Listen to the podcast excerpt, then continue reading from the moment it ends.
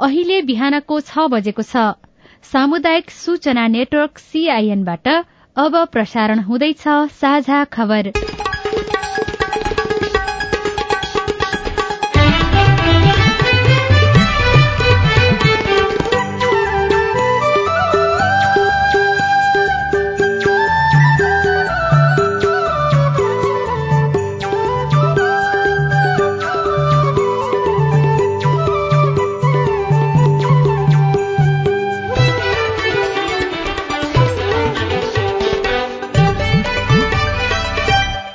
शुभ प्रभात यो सीआईएन को साझा खबर हो। स्नेहा कर्णसँगै राजन रुचालको तपाईँलाई स्वागत छ। सामुदायिक रेडियोबाट देशैभरि एकैसाथ प्रसारण भइरहेको साझा खबर सीआईएन खबर डट कम र मोबाइल एप सीआईएनबाट पनि सुन्न सकिन्छ।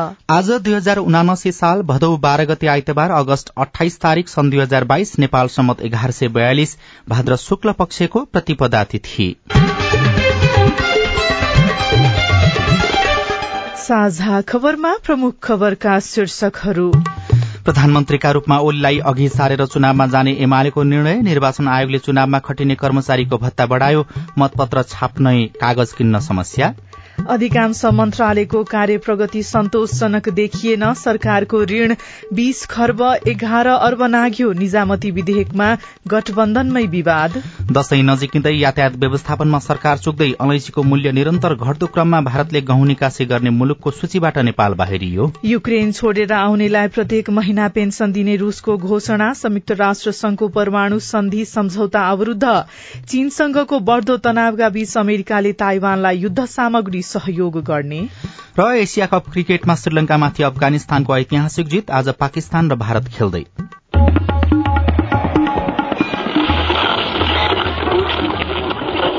सयौं रेडियो। हजारौं रेडियो कर्मी र करोड़ौं नेपालीको माझमा यो हो सामुदायिक सूचना नेटवर्क सीआईएन साझा खबरको सबैभन्दा शुरूमा एमाले केन्द्रीय कमिटी बैठकको निर्णय सम्बन्धी प्रसंग। स्थानीय निर्वाचनमा अपेक्षित परिणाम हासिल गर्न नसकेको प्रमुख प्रतिपक्षी दल एमाले पार्टी अध्यक्ष केपी शर्मा ओलीलाई भावी प्रधानमन्त्रीका रूपमा अगाडि सारेर आम निर्वाचनमा जाने निर्णय गरेको छ। एमाले स्थानीय निर्वाचनको भन्दा सोह्र प्रतिशत मत बढ़ाएर बहुमत हासिल गर्ने महत्वाकांक्षी योजना अघि सारेको छ। दुई हजार चौहत्तरको निर्वाचनमा ओलीलाई प्रधानमन्त्रीका रूपमा प्रस्तुत गरिए पनि पार्टीले औपचारिक निर्णय भने गरेको थिएन। एमाले यसअघि मनमोहन अधिकारीलाई प्रधानमन्त्री उम्मेद्वारका रूपमा प्रस्तुत गरेर निर्वाचनमा सहभागी भएको थियो। केन्द्रीय कमिटिको हिजो सकिएको बैठकले आगामी निर्वाचनमा ओलीको नेतृत्वमा बहुमतको सरकार बनाउने संकल्प गर्दै राजनीतिक स्थायित्वका लागि एमालेको पक्षमा जनादेश दिन आह्वान गरेको छ। सत्तारूढ़ गठबन्धनमा सीट बाँडफाँटको गृह कार्य जारी रहँदा एमाले निर्वाचन परिचालन कमिटिका संयोजक ओलीलाई भावी प्रधानमन्त्रीका रूपमा पेश गरेर गठबन्धनमाथि दबाव बढ़ाएको छ। एमाले केन्द्रीय सदस्य शेरबहादुर तामाङले सीआईएनसँग कुराकानी गर्दै भन्नुभयो। पार्टी अध्यक्षको अगुवाईमा उहाँलाई प्रधानमन्त्री अगाडि सारेर निर्वाचनमा जाने तयारी हो। अरू चाहिँ हामीले निर्वाचनको उम्मेद्वार छनौटको मापदण्डहरू तय गर्यौँ भदौ बाइससम्म उम्मेद्वार तलका कमिटीहरूले उम्मेद्वार सिफारिस गरिसक्नुपर्ने। एक महिला अनिवार्य सहित तिनजनाको नाम चाहिँ सिफारिस गर्ने। सर्वसम्मत भएका नामहरूमा सर्वसम्मत पनि पठाउन पाइयो। होइन भने तिनजनाको चाहिँ सिफारिस गर्ने गरी तय गरे। ओलीले प्रस्तुत गर्नुभएको राजनीतिक प्रतिवेदनमा आगामी चुनावी अभियानमा आम मानिसमा पार्टीका नीति र एजेण्डाको व्यापक प्रचार गर्ने र एमाले सरकारले गरेका कामको सशक्त प्रचार गर्ने उल्लेख गरिएको छ। आफ्नो पार्टीको निर्णयले राजनीतिक स्थायित्व र समृद्धिलाई साकार पार्ने नेताहरूको दावी रहेको छ। दुई हजार चौहत्तरको चुनावमा एमाले र माओवादी बीच गठबन्धन हुँदा राजनीतिक स्थायित्व र आर्थिक समृद्धिको नारा लिएर एमाले चुनावमा गएको थियो। चुनावमा वामपन्थी गठबन्धनले प्रतिनिधि सभामा करिब दुई तिहाई स्थान जितेको थियो भने सात प्रदेश मध्ये छ प्रदेशमा सरकार बनाएको थियो। त्यस समयमा एमाले र माओवादीले संयुक्त घोषणा पत्रमा चुनाव लडेका थिए। एमाले समानुपातिक निर्वाचन प्रणालीबाट सांसद नदोहोर्याउने भएको छ। केन्द्रीय कमिटि बैठकले स्थानीय तहमा निर्वाचित भएकालाई राजीनामा दिएर संघीय तथा प्रदेश सभाको सांसद नउठाउने गरी मापदण्ड निर्धारण गरेको छ। त्यसै गरी राष्ट्रिय सभाका सांसद र स्थानीय तह चुनावमा पराजित भएकालाई पनि उम्मेद्वार नबनाउने निर्णय गरेको छ। निर्वाचन आयोगले निर्वाचनमा खटिने पदाधिकारी तथा कर्मचारीको भत्ता मनोमानी ढंगले हेरफेर गरेको छ। निर्वाचन गराउन प्रत्यक्ष सरकार नै नभएका कर्मचारीलाई समेत भत्ता खाजा खाना र संचार सुविधा खर्च दिने व्यवस्था गरेर आयोगले कार्यविधि ल्याएको हो। मतदान केन्द्रमा लाइन व्यवस्थापन र मतदाताको नामावली रूजु गर्न खटिने स्वयंसेवकको भत्ता पनि कटौती गरिएको छ। आयोगले मुख्य निर्वाचन अधिकृत र निर्वाचन अधिकृत कार्यालयका लागि स्थानीय तह निर्वाचनका बेला मसलन्द तथा कार्यालय सामग्री खर्चमा शत प्रतिशत थप गरेको छ। मुख्य निर्वाचन अधिकृत कार्यालयलाई यसअघि पचास हजार रूपियाँको मसलन्द खर्च दिइएकोमा आउँदो निर्वाचनका लागि एक लाख रूपियाँ पुर्याइएको छ। निर्वाचन अधिकृतको कार्यालयका लागि मसलन्द खर्च चालिस हजार रूपियाँबाट अस्सी हजार रूपियाँ बनाइएको छ।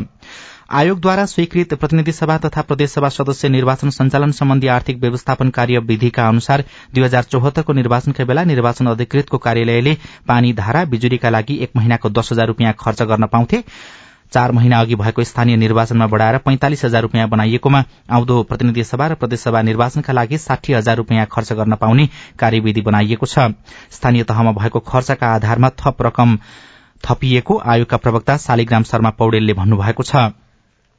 इन्धन खर्च मुख्य निर्वाचन अधिकृतका लागि चालिस हजार रूपियाँ रहेकोमा साठी हजार र निर्वाह रूपियाँ पुर्याइएको छ। मतदान केन्द्र निर्माण खर्च पनि पाँच हजारबाट दस हजार रूपियाँ बनाइएको छ। मतपेटिका ढुवानी खर्च तीन गुणा बढ़ाइएको छ। यसअघि पन्ध्र किलोमिटर मतपेटिका तथा निर्वाचन सामग्री ढुवानीका लागि एक हजार रूपियाँ खर्च दिने गरिएकोमा आउँदो निर्वाचनमा तीन हजार रूपियाँ दिने गरी कार्यविधि बनेको छ। आयोगका पदाधिकारी तथा कतिपय कर्मचारीलाई तलबको शत प्रतिशत भत्ता र खाजा खर्च बापत दैनिक रूपियाँ दैनिक थप छ सय रूपियाँसम्म खाजा खर्च दिने व्यवस्था पनि गरिएको छ। यसैबीच निर्वाचन आयोगले आजदेखि मतदाता नामावली अध्यावधि गर्ने भएको छ। मंगिर चार गतेका लागि तय भएको प्रदेश र प्रतिनिधि सभा चुनावका लागि आजदेखि मतदाता नामावली अध्यावधि गर्ने कार्यतालिका रहेको आयोगका सहप्रवक्ता सूर्य प्रसाद अरियालले सीआईएनलाई जानकारी दिनुभयो। तेह्र गतेदेखि पन्ध्र गतेसम्म तेह्र चौध पन्ध्र चाहिँ तीन दिन चाहिँ आफ्नो मतदाता नालीमा कुनै त्रुटि छ नाममा त्रुटि छ अथवा मितिमा त्रुटि छ अथवा उमेरमा त्रुटि छ लगायतका कुराहरू चाहिँ सच्याउन सकिने समय छ भने तेह्रदेखि सोह्र गतेसम्म चाहिँ मतदाताको मृत्यु भइसकेका छन् त्यो नाम हटाउनको लागि अथवा दोहोरो नाम परेको छन् त्यो हटाउनको लागि अथवा बसाइ सराई गरेर कोही व्यक्ति अन्यत्र गएको छ भने त्यस्ता नामहरू पनि हटाउनको लागि चाहिँ त्यो समय पनि दिएको छ। आगामी निर्वाचनमा मतपत्र छाप्न प्रयोग हुने कागज खरिद निर्वाचन आयोगका लागि झन्झटिलो बन्दै गएको छ। मतपत्र छाप्ने कागज समयमै आपूर्ति अनिश्चित भएपछि निर्वाचन कार्यतालिकामै असर पर्न सक्ने सम्भावना पनि बढ़दै गएको छ। निर्वाचन आयोगका प्रवक्ता पौडेलले कागजको आपूर्तिलाई लिएर आयोगमाथि दबाव रहेको बताउनुभयो। आयोगले मतपत्र छाप्न प्रयोग हुने कागज आपूर्तिका लागि भदौ एक गते बोलपत्र आह्वान गरेको थियो तर न्यूनतम मूल्यसँग मेल खाने गरी कुनै आपूर्तिकर्ताले प्रस्ताव पेश नगर्दा आयोगले उक्त बोलपत्र रद्द गरेको छ। आयोगले आठ सय पचास मेट्रिक टन कागज खरिद गर्न लागेको हो। उहाँका अनुसार चारवटा आपूर्तिकर्ताले प्रस्ताव पेश गरेका थिए तर चारवटैको प्रस्तावित मूल्य आयोगको न्यूनतम मूल्य भन्दा बढ़ी रहेको थियो। आयोगले स्थानीय निर्वाचनमा सात सय मेट्रिक टन कागज खरिद गरेको थियो जसका लागि करिब तेह्र करोड़ रूपियाँ खर्च भएको थियो। सरकारले फास्ट ट्र्याक अर्थात द्रुत प्रक्रियाबाट पारित गर्न नागरिकता सम्बन्धी विधेयक संसदमा दर्ता गरेदेखि नै विभिन्न पक्षबाट समर्थन र आलोचना भइरहेको छ। नागरिकता ऐन संशोधन गर्न ल्याइएको विधेयक दुवै सदनले पारित गरेर प्रमाणीकरणका लागि राष्ट्रपति विद्यादेवी भण्डारी समक्ष पठाइएकोमा उहाँले सन्देशसहित फर्काइदिनु भएको थियो। उहाँको सन्देशलाई पन्छाएर प्रतिनिधि सभाले पुनः हुबहु पारित गरेको छ भने राष्ट्रिय सभामा आइतबार आज प्रस्तुत हुँदैछ। राष्ट्रपति र प्रतिनिधि सभाको सन्देश सहितको विधेयकमा राष्ट्रिय सभाले निर्णय गर्नेछ। नागरिकता सम्बन्धी विधेयकमा समावेश भएका विषयवस्तुमाथि अहिले कहीँ कतै देखिएको छैन। विधेयकले नसमेटेका विषयवस्तु भने विवादको केन्द्रमा देखिएका छन्।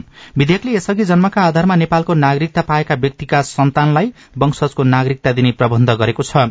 यो प्रबन्ध संविधानको हुबहु व्यवस्था हो। पुरानो संविधानले वंशज अंगीकृत र जन्मका आधारमा गरी तीन प्रकृतिका नागरिकता प्रचलनमा ल्याएकोमा नयाँ संविधानले जन्मका आधारमा दिनिने नागरिकता सम्बन्धी व्यवस्थालाई हटाएको थियो तर त्यसअघि नै जन्मका आधारमा नागरिकता पाएका करिब एक लाख नब्बे हजार व्यक्तिका सन्तानलाई वंशजको नागरिकता प्रदान गर्ने व्यवस्था दुई हजार बहत्तरको संविधानमा गरिएको छ। त्यसैका लागि कानून बनाउन अहिले विधेयक ल्याइएको हो। गैर आवासीय नेपालीलाई पनि निश्चित सीमासहित नागरिकता प्रदान गर्ने अर्को प्रावधान छ जन्मका आधारमा नागरिकता पाएका व्यक्तिका सन्तानले वंशजको नागरिकता पाउने र गैर आवासीय नेपाली नागरिकता दिने दुवै प्रावधानमा विवाद भने छैन। विवाद जहाँ छ त्यो भनेको वैवाहिक अंगीकृत नागरिकता सम्बन्धी प्रावधान छ जुन विषयमा विधेयक मौन देखिएको छ। निजामती विधेयकमा गठबन्धनभित्र विवाद बढ़दै गएको छ। प्रदेश मन्त्रालयका सचिव र स्थानीय तहका प्रमुख प्रशासकीय अधिकृत संघबाट पठाउने कि प्रदेशलाई नियुक्तिको अधिकार दिने यो मुद्दामा सत्तारूढ़ गठबन्धन दलबीच सहमति नजुड्दा संघीय निजामती विधेयक संसदबाट पारित हुने सम्भावना पनि टर्दै गएको छ। नेपाली कांग्रेसले सचिव र प्रमुख प्रशासकीय अधिकृत केन्द्रबाटै पठाउनु पर्ने मत राखेको छ भने गठबन्धनका अन्य दल मुलुक संघीयता सत्तामा गएपछि कर्मचारी पदपूर्ति र खटन पठनको अधिकार प्रदेशलाई दिनुपर्ने अड़ान राखेका छन्। विधेयकका अन्य प्रावधानमा पनि कांग्रेस र माओवादी नेताहरूको मत बाँझिएको छ। गठबन्धनमा सहमति नभएकै कारण अर्थको स्वीकृतिपछि पनि विधेयक कानून मन्त्रालयमा अड्किएको छ। संघीय मामिला तथा सामान्य प्रशासन मन्त्रालयका अनुसार अहिले विधेयकको प्रावधानका विषयमा कांग्रेस एमाले एकै ठाउँमा उभिएका छन्। प्रधानमन्त्री शेरबहादुर देउवाले एमाले सरकारले दुई हजार पचहत्तर माघमा संसदमा पेश गरेको विधेयकका प्रावधानहरूमा समर्थन जनाउनु भएको छ। प्रस्तावित विधेयकमा प्रदेशको प्रमुख सचिव संघको दरबन्दी हुने र प्रदेश सचिव एवं स्थानीय तहका प्रशासकीय अधिकृतको पदपूर्ति लोकसेवा आयोगले गर्ने उल्लेख गरिएको छ। त्यसैले पदपूर्ति गरिएका कर्मचारीको सरूवा बढ़ुवा सेवा सुविधा लगायत परिचालन सबै प्रदेश निजामती सेवा ऐन अनुसार हुने उक्त पदहरू संघको नभई प्रदेशको हुने प्रावधान विधेयकमा उल्लेख गरिएको छ।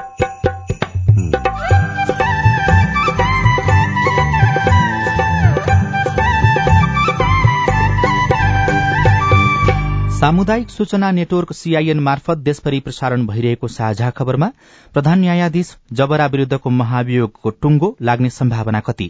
भाद्रको अठार बिससम्म हामी चाहिँ यसलाई बीज जस्तो रूपमा सत्य तथ्य खोजी गर्ने निष्पक्ष भएर दुधको दुध पानीको पानी गर्ने हिसाबबाट हाम्रो बसाइहरू हामी गर्छौं। दशैं नजिकिँदै यातायात व्यवस्थापनमा सरकार चुक्दै अलैचीको मूल्य निरन्तर घट्दो क्रममा लगायतका खबर बाँकी नै छन्। सीआईएनको साझा खबर सुन्दै गर्नुहोला।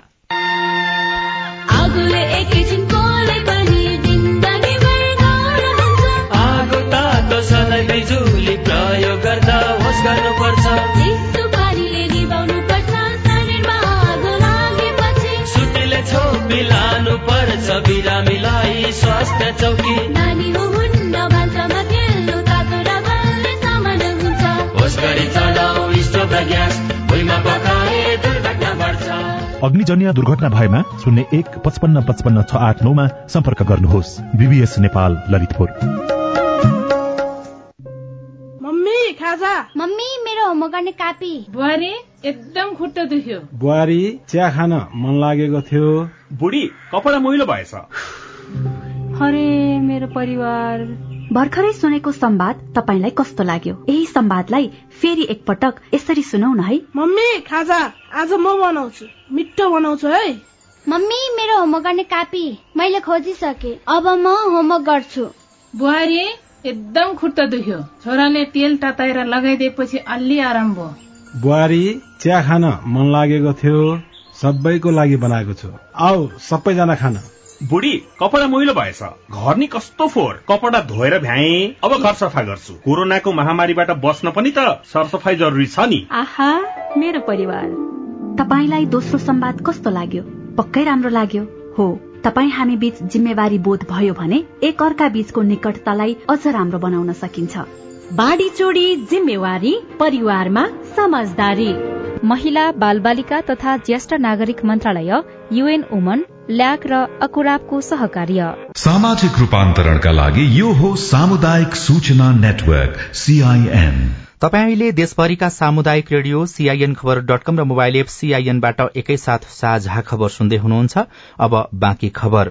मौसम पूर्वानुमान महाशाखाले भोलि बेलुकासम्म नै देशका विभिन्न स्थानमा हल्कादेखि भारी वर्षाको सम्भावना रहेको बताएको छ। मौसमविदहरूका अनुसार मनसून सक्रिय हुँदा गए रातीदेखि नै देशका विभिन्न स्थानमा हल्कादेखि भारी वर्षा भइरहेको छ। सीआईएनसँग कुराकानी गर्दै महाशाखाका वरिष्ठ मौसमविद प्रतिभा मानन्दरले भोलि बेलुकासम्म नै देशभर भारी वर्षाको सम्भावना रहेको बताउनुभयो।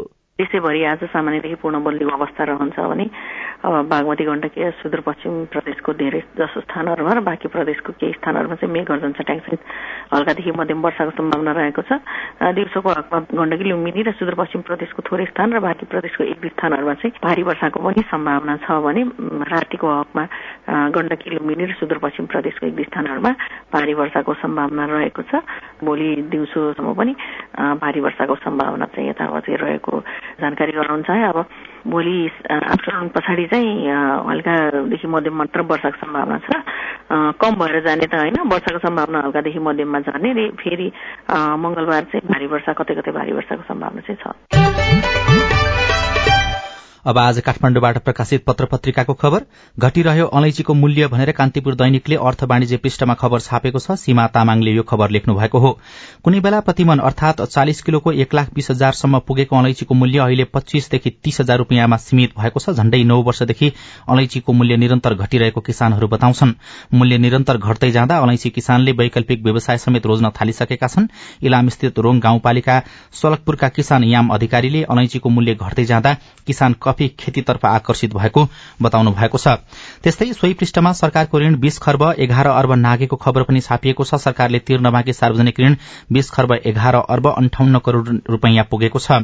नेपाल राष्ट्र बैंकले सार्वजनिक गरेको गत आर्थिक वर्ष अठहत्तर उनासीको तथ्याङ्कमा आधारित देशको वर्तमान आर्थिक तथा वित्तीय अवस्था प्रतिवेदनका अनुसार अघिल्लो आर्थिक वर्षको तुलनामा सार्वजनिक ऋण दुई खर्ब सतहत्तर अर्ब एघार करोड़ रूपियाँले बढ़ेको खबरमा उल्लेख गरिएको छ।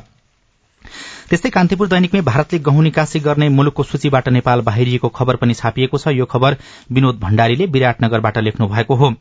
उद्योग वाणिज्य तथा आपूर्ति मन्त्रालयले समयमा आवश्यक परिणाम परिमाण माग नगर्दा भारतले गहुँ निकासी गर्ने मुलुकको सूचीबाट नेपाल बाहिरिएको छ। रूस र युक्रेन बीचको युद्धका कारण भारतले गहुँको संकट पर्ने भन्दै वैशाख अन्तिममा यसको निकासीमा रोक लगाएको थियो। परिस्थिति अनुकूल भएसँगै निकासीलाई पुनः निरन्तरता दिन भारतले गहुँ आवश्यक पर्ने मुलुकसँग आवश्यक परिमाण मागेको थियो। तर मन्त्रालयले समयमा समन्वय नगर्दा भारतले गहुँ निकासी गर्ने मुलुकको सूचीबाट नेपाल बाहिरिएको सम्बद्ध उद्योगीहरूले बताएका छन्। राजधानी दैनिकको पहिलो पृष्ठमा सन्तोषजनक छैन अधिकांश मन्त्रालयका कार्य प्रगति शीर्षकमा खबर लेखिएको छ। केही दिन अघि मात्रै मुख्य सचिव शंकर दास बैरागीले एक वर्षको अवधिमा सरकारको काम सन्तोषजनक हुन नसकेको स्वीकार्दै आगामी दिनमा प्रभावकारी कदम चाल्नुपर्ने भन्दै मन्त्रालय सचिवहरूको गम्भीर ध्यानाकृष्ट गराउनुभयो। प्रधानमन्त्री शेरबहादुर देवा समेत सहभागी कार्यक्रममा मुख्य सचिवले त्यसरी ध्यानाकृष्ट गराए पनि अधिकांश सचिवले गहन रूपमा लिएनन्। मन्त्री र सचिव बीच महत्वपूर्ण नीतिगत सुधार तथा जनजीविकाका सवालमा ल्याउनु पर्ने महत्वपूर्ण कार्यक्रमबारे छलफल र सम्वाद हुनै छोडेको छ। अहिले कुनै पनि मन्त्रालयको काम सन्तोषजनक नरहेको प्रधानमन्त्री तथा मन्त्री परिषद कार्यालयले नै ठहर गरेको छ। यद्यपि प्रधानमन्त्री कार्यालयले मन्त्रालयले गरेको काम अनुगमन सशक्त बनाउन भने सकेको छैन। नयाँ पत्रिका दैनिकको पहिलो पृष्ठमा नजिकिँदै दशैं यातायात व्यवस्थापनमा सरकार चुक्दै शीर्षकमा खबर लेखिएको छ। सड़कको दुरवस्था मनपरी भाडा दर कोचाकोच यात्रा र सार्वजनिक सवारी साधनको अपर्याप्तता दशैंको बेला यात्रुहरूले हरेक वर्ष भोग्दै आइरहेका समस्या हुन्। समस्या कम गर्न पूर्व तयारीबारे सरकार हरेक वर्ष चुक्दै आइरहेको छ। सोही कारण दशैंका बेला लामो तथा मध्यम दूरीको यात्रा सधैँ भद्रगोल हुने गरेको छ। पूर्व पश्चिम राजमार्ग अन्तर्गत केही सड़क भत्किएका छन्। कतिपय सड़क स्तरोन्नतिका काम भइरहेको पनि अवरोध भएका छन्। वर्षातका कारण बेसी शहर नपुग्दै बेसी शहर चामे सड़क पनि अहिले अवरूद्ध बनेको छ। ठूलो पहिरो गइरहेको र अझै पहिरो जाने क्रम जारी रहेकाले देशका विभिन्न जिल्लामा केही मुख्य सड़कहरू अवरूद्ध बनेको सड़क विभागले जनाएको छ। नागरिक दैनिकको पहिलो पृष्ठमा मन्त्रीको खेतबारीमा सिंचाई योजना शीर्षकमा नरहरी सापकोटाले गोर्खाबाट लेख्नु भएको खबर छापिएको छ। आफू गण्डकी प्रदेश सरकारको भौतिक पूर्वाधार विकास मन्त्री भएका बेला रामशरण बस्नेतले गोर्खाको सिरानचोक गाउँपालिका पाँच जरेबरमा सिंचाई सुविधा पुर्याउन लिफ्ट सिंचाई योजनाका लागि दुई हजार पचहत्तर सालमा बजेट विनियोजन गरिदिनुभयो। निर्माण कम्पनी र उपभोक्ता समितिबाट करिब साठी लाख रूपियाँ बराबरको काम भयो तर निर्माण कम्पनीले योजना बुझाएको अर्को दिनदेखि लिफ्ट चलेको छैन। जलस्रोत तथा सिंचाई विकास डिभिजन कार्यालयबाट निर्माण भएको यो योजनाबाट जरेबर क्षेत्रको बीस हेक्टर जमीनमा सिंचाई गर्ने लक्ष्य थियो तर एक दिन पनि किसानको खेतमा यो योजनाबाट पानी पुगेको छैन। जरेबरमा तत्कालीन मन्त्री बस्नेतको पनि खेत छ। तत्कालीन मन्त्री रामचरण बस्नेतको दबावमा सिराञ्चोक गाउँपालिका पाँच जरेबरमा सिंचाईका लागि बनाइएका लिफ्ट र भूमिगत डिप ट्युबवेल योजना तथा गोर्खा नगरपालिका तीन नारेश्वर घालाङमा बनाइएको इन्भेस्टिगेशन डिप ट्युबवेलबाट किसानको खेतबारीमा अझै पनि पानी पुगेको छैन। यी दुवै ठाउँमा मन्त्री बस्नेतको खेतबारी भएको खबरमा उल्लेख गरिएको छ। साझा खबरमा अब हेलो सीआईएन अविनाश आचार्यबाट। सिन्धुपाल्चोक जिल्ला बारबिसी नगरपालिका वार्ड नम्बर पाँचबाट म धनबहादुर बस्नेत। सिन्धुपाल्चोक जिल्ला बारबिसी नगरपालिकामा यो नगरपालिका बनेदेखि नै यो वडा कार्यालयहरू वडा अध्यक्ष वा मेयरज्यूहरूको आफ्नै घरमा राख्ने चलन आएको छ। यो सुविधा प्रतिनिधिहरूको लागि हो वा जनताको लागि हो? यसबारे बाह्र विषय नगरपालिकाका उपप्रमुख मन्जु तामाङ भन्नुहुन्छ। एकदम राम्रो आवाज उठाउनु भएको छ उहाँले। जति पनि नबनेको वडा कार्यालयहरूको चाहिँ यहाँ बाह्र विषयमा हुन्छ होइन हजुर? अनि त्यसपछि आएर जुन अब सम्पर्क कार्यालय मात्रै हुन्छ हाम्रो यो भवन बन्दैछ यो भवन बनिसकेकोहरूलाई चाहिँ प्रत्येक वडा कार्यालयहरूलाई चाहिँ हामीले गाउँमा नै पठाउने चाहिँ वातावरण मिलाइसकेको छ हजुर। खरको छानो विस्थापन गर्ने कार्यक्रम सुस्त भएको बारे साझा खबरमा रिपोर्ट सुनेपछि धनकुटाका श्रोता नरेश राई फेसबुक मार्फत प्रतिक्रिया दिँदै लेख्नुहुन्छ वास्तविक भन्दा पनि नक्कली गरीब बनेर पहुँचका आधारमा लाभ लिन खोज्दा यो समस्या आएको हो। त्यस्तै हाम्रो आइभीआरमा रेकर्ड भएको अर्को गुनासो अछामबाट लिएका छौं। नमस्कार मेरो नाम गणेश साउजी मिल्ले गाउँपालिका वडा नम्बर सात नन्देगडा अछाम। म विगत एक्काइस वर्षदेखि पानीको अझेलमा परेको छु। गाउँमा सबैको एक घर एक धारा शुरूआत भइसक्यो तर मेरो घर वरिपरि दुईटा घरमा तीनटा परिवार बसिरहेको हुँदा पनि कुनै एउटा घरमा पनि धाराको व्यवस्था नपाएको हुनाले म यो रेकर्डिङ गराउन बाध्य भएको छु। तपाईँको समस्या हामीले मिल्लेख गाउँपालिकाका उपाध्यक्ष नृप बहादुर खड्कालाई सुनायौं। यस विषयमा गम्भीर चासो राख्दै उहाँले भन्नुभयो। करिब करिब सत्र लाखको हाम्रो खानेपानी योजना भइराखेको छ। अहिले नयाँ जनप्रतिनिधि जस्तै पनि हो। अब उहाँको के हो? अब त्यो समस्याका लागि म एकदम ध्यान केन्द्रित भएर केही दिनमा अब सकर्त पानीको मुहान हुनु पर्यो। एउटा दुईटा परिवारका लागि मात्रै छुट्टै किसिमको योजना हाम्रो मापदण्डले पनि पुग्दैन। तर के छ? म भेटेर उहाँको समस्या कसरी हल गर्न सकिन्छ र त्यो कुराहरूमा म विषय दिलाउन चाहन्छु। तपाईँ जुनसुकै बेला हाम्रो टेलिफोन नम्बर शून्य एक बान्न साठी छ चार छमा फोन गरेर आफ्नो प्रश्न गुनासो प्रतिक्रिया तथा जिज्ञासा रेकर्ड गर्न सक्नुहुन्छ। साझा खबरमा अब विदेशका खबर रूसका राष्ट्रपति भ्लादिमिर पुटिनले युक्रेन छोडेर आउने नागरिकलाई प्रत्येक महिना पेन्सन उपलब्ध गराउने घोषणा गर्नुभएको छ। योजना अनुसार अठार फेब्रुअरीपछि युक्रेन छाडेका नागरिकलाई दस हजार रूबल अर्थात एक सय सत्तरी अमेरिकी डलर प्रति महिना उपलब्ध गराइनेछ। शारीरिक रूपले अपाङ्गता भएका व्यक्तिलाई पनि उक्त योजनामा समावेश गरिने राष्ट्रपति पुटिनले बताउनु भएको छ। यसैबीच रूसले संयुक्त राष्ट्र संघमा हुने भनिएको निशस्त्रीकरण परमाणु सम्झौता अवरूद्ध गरेको छ। रूसले सम्मेलनको खाकामाथि प्रश्न उठाउँदै नियस्त्रीकरण परमाणु सम्झौता अवरूद्ध गरेको बताइएको छ र अमेरिकाले ताइवानलाई युद्ध सामग्री उपलब्ध गराउने भएको छ। चीनसँगको बढ़दो विवादका बीच अमेरिकी सरकारले ताइवानलाई साढे चार करोड़ डलर बराबरको युद्ध सामग्री उपलब्ध गराउने सम्झौता गरेको हो। ताइवानको समाचार संस्था ताइपे टाइम्सका अनुसार ताइवानको रक्षा मन्त्रालयले सम्झौताबारे जानकारी दिएको हो। अब खेल खबर एसिया कप क्रिकेटको पहिलो खेलमा अफगानिस्तानले जित हात पारेको छ। हिजोबाट शुरू भएको खेलमा श्रीलंकालाई आठ विकेटले पराजित गर्दै अफगानिस्तानले जित हात पारेको हो। टस हारेर पहिले ब्याटिङ गरेको श्रीलंकाले निर्धारित बीस ओभरको दुई बल बाँकी छँदै सबै विकेट गुमाएर एक सय पाँच रन बनायो। एक सय छ रनको लक्ष्यसहित मैदान उत्रेको अफगानिस्तानले दश ओभर एक बलमा जम्मा दुई विकेट गुमाएर जित हात पार्यो। एसिया कप क्रिकेट अन्तर्गत आज भारत र पाकिस्तान बीच खेल खेल हुनेछ। खेल नेपाली समय अनुसार साँझ पाउने आठ बजेबाट शुरू हुनेछ।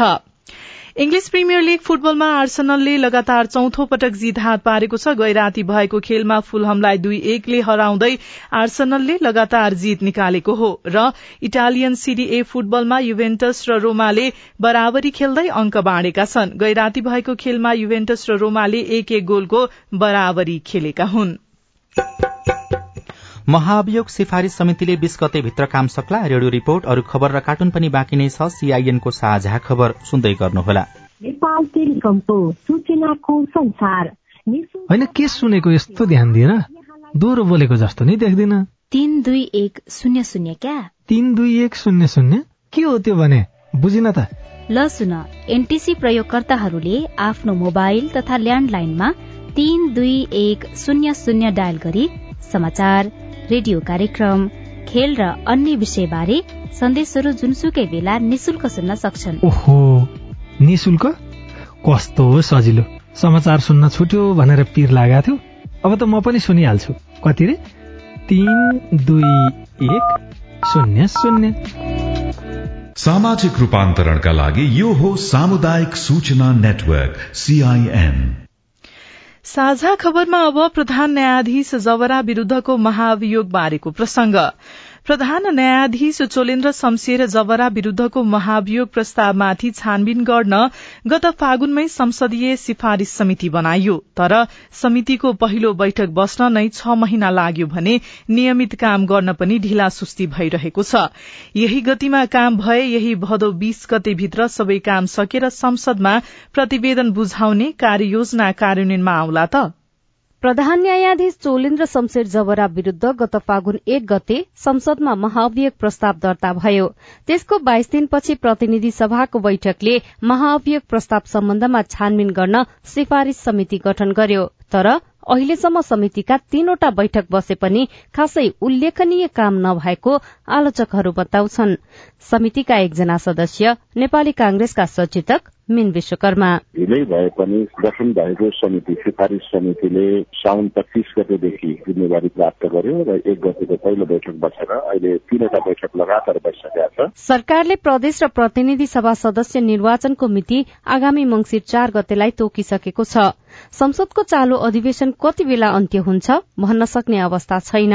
महाअभियोग सिफारिश समितिको सुस्तता र संसद अधिवेशनको अनिश्चितता बीच कसरी तालमेल मिलाउने काम भइरहेको छ। समितिका अर्का सदस्य नेकपा एमालेका नेता कृष्ण भक्त पोखरेल। कार्यतालिका पास गरेर भाद्रको अठार बिससम्म हामी चाहिँ यसलाई बीज जस्तो रूपमा सत्य तथ्य खोजी गर्ने। हामी कुनै पूर्वाग्रही माइन्डसेटका आधारमा होइन निष्पक्ष भएर दुधको दुध पानीको पानी गर्ने हिसाबबाट हाम्रो बसाइहरू हामी गर्छौं। संविधानको धारा एक सय एकको उपधारा तीन र चार अनुसार गठन भएको सिफारिश समितिले सम्बन्धित व्यक्तिमाथि महाअभियोगको प्रस्ताव पेश गर्ने आधार र कारण छ कि छैन हेर्नुपर्छ।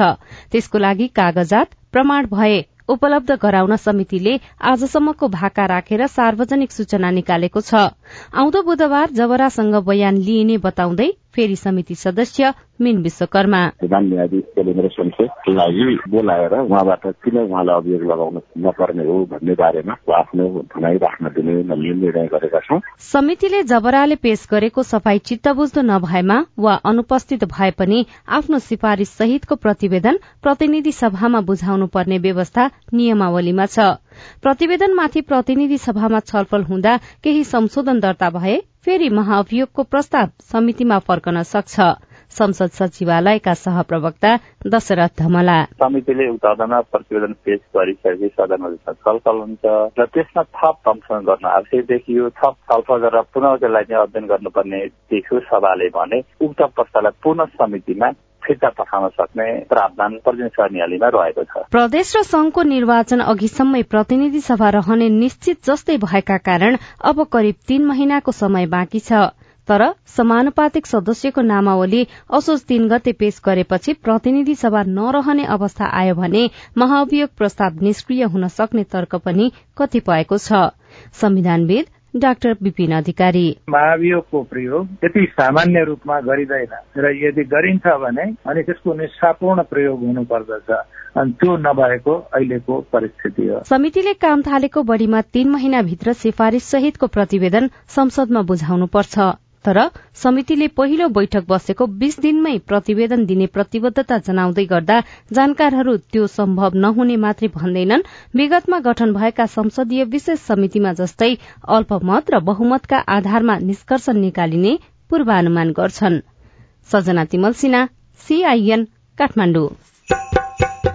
रिपोर्टसँगै हामी साझा खबरको अन्त्यमा आइपुगेका छौं। सामुदायिक रेडियो प्रसारक संघद्वारा संचालित सीआईएनको बिहान छ बजेको साझा खबर सक्नु अघि मुख्य मुख्य खबर फेरि एकपटक। प्रधानमन्त्रीको रूपमा ओलीलाई अघि सारेर चुनावमा जाने एमालेको निर्णय निर्वाचन आयोगले चुनावमा खटिने कर्मचारीको भत्ता बढ़ायो। मतपत्र छाप्ने कागज किन्न समस्या। अधिकांश मन्त्रालयको कार्य प्रगति सन्तोषजनक देखिएन। सरकारको ऋण बीस खर्ब एघार अर्ब नाग्यो। निजामती विधेयकमा गठबन्धनमै विवाद। दशैं नजिकिँदै यातायात व्यवस्थापनमा सरकार चुक्दै अलैचीको मूल्य निरन्तर घट्दो क्रममा भारतले गहुँ निकासी गर्ने मुलुकको सूचीबाट नेपाल बाहिरियो। युक्रेन छोडेर आउनेलाई प्रत्येक महिना पेन्सन दिने रूसको घोषणा संयुक्त राष्ट्रसंघको परमाणु सन्धि सम्झौता अवरूद्ध। र एसिया कप क्रिकेटमा श्रीलंकामाथि अफगानिस्तानको जीत आज पाकिस्तान अनि भारत खेल्दै। साझा खबरको अन्त्यमा कार्टुन लिएका छौं। नागरिक दैनिकबाट यो पनि शीर्षकमा रविन साइमीले बनाउनु भएको कार्टुन रहेको छ। यहाँ स्विस ब्याङ्कमा नेपाली नेताहरूको खाता भनेर प्रश्नवाचक चिन्ह दिइएको छ। राजनीति कति विकृत छ भन्ने कुराको उदाहरण पनि भ्रष्टाचार र अनियमितताबाट देख्न सकिन्छ अनुमान लगाउन सकिन्छ। त्यही कुरालाई व्यङ्ग्य गर्न खोजिएको छ। दुईजना महिलाहरू कुराकानी गर्दैछन्। माथिपट्टि एउटा नेताको फोटो पनि टाँसिएको छ र केही कुरालाई राजनीतिमा भइराखेको अनियमिततालाई व्यङ्ग्य गर्न खोजिएको छ। माथि चाहिँ यस्तो लेखिएको छ। राजनीतिमा पहिला सुटकेसमा पैसा जम्मा हुन्छ त्यसपछि स्विस ब्याङ्कमा। हवस् त प्राविधिक साथी सुनिल राज भारतलाई धन्यवाद। अहिलेलाई राजन रुचाल र स्नेहा कर्ण विदा भयो। तपाईँको आजको दिन शुभ होस् नमस्कार। यसपछि देशभरिका सामुदायिक रेडियोबाट कार्यक्रम संवाद प्रसारण हुनेछ। सुन्ने प्रयास गर्नुहोला।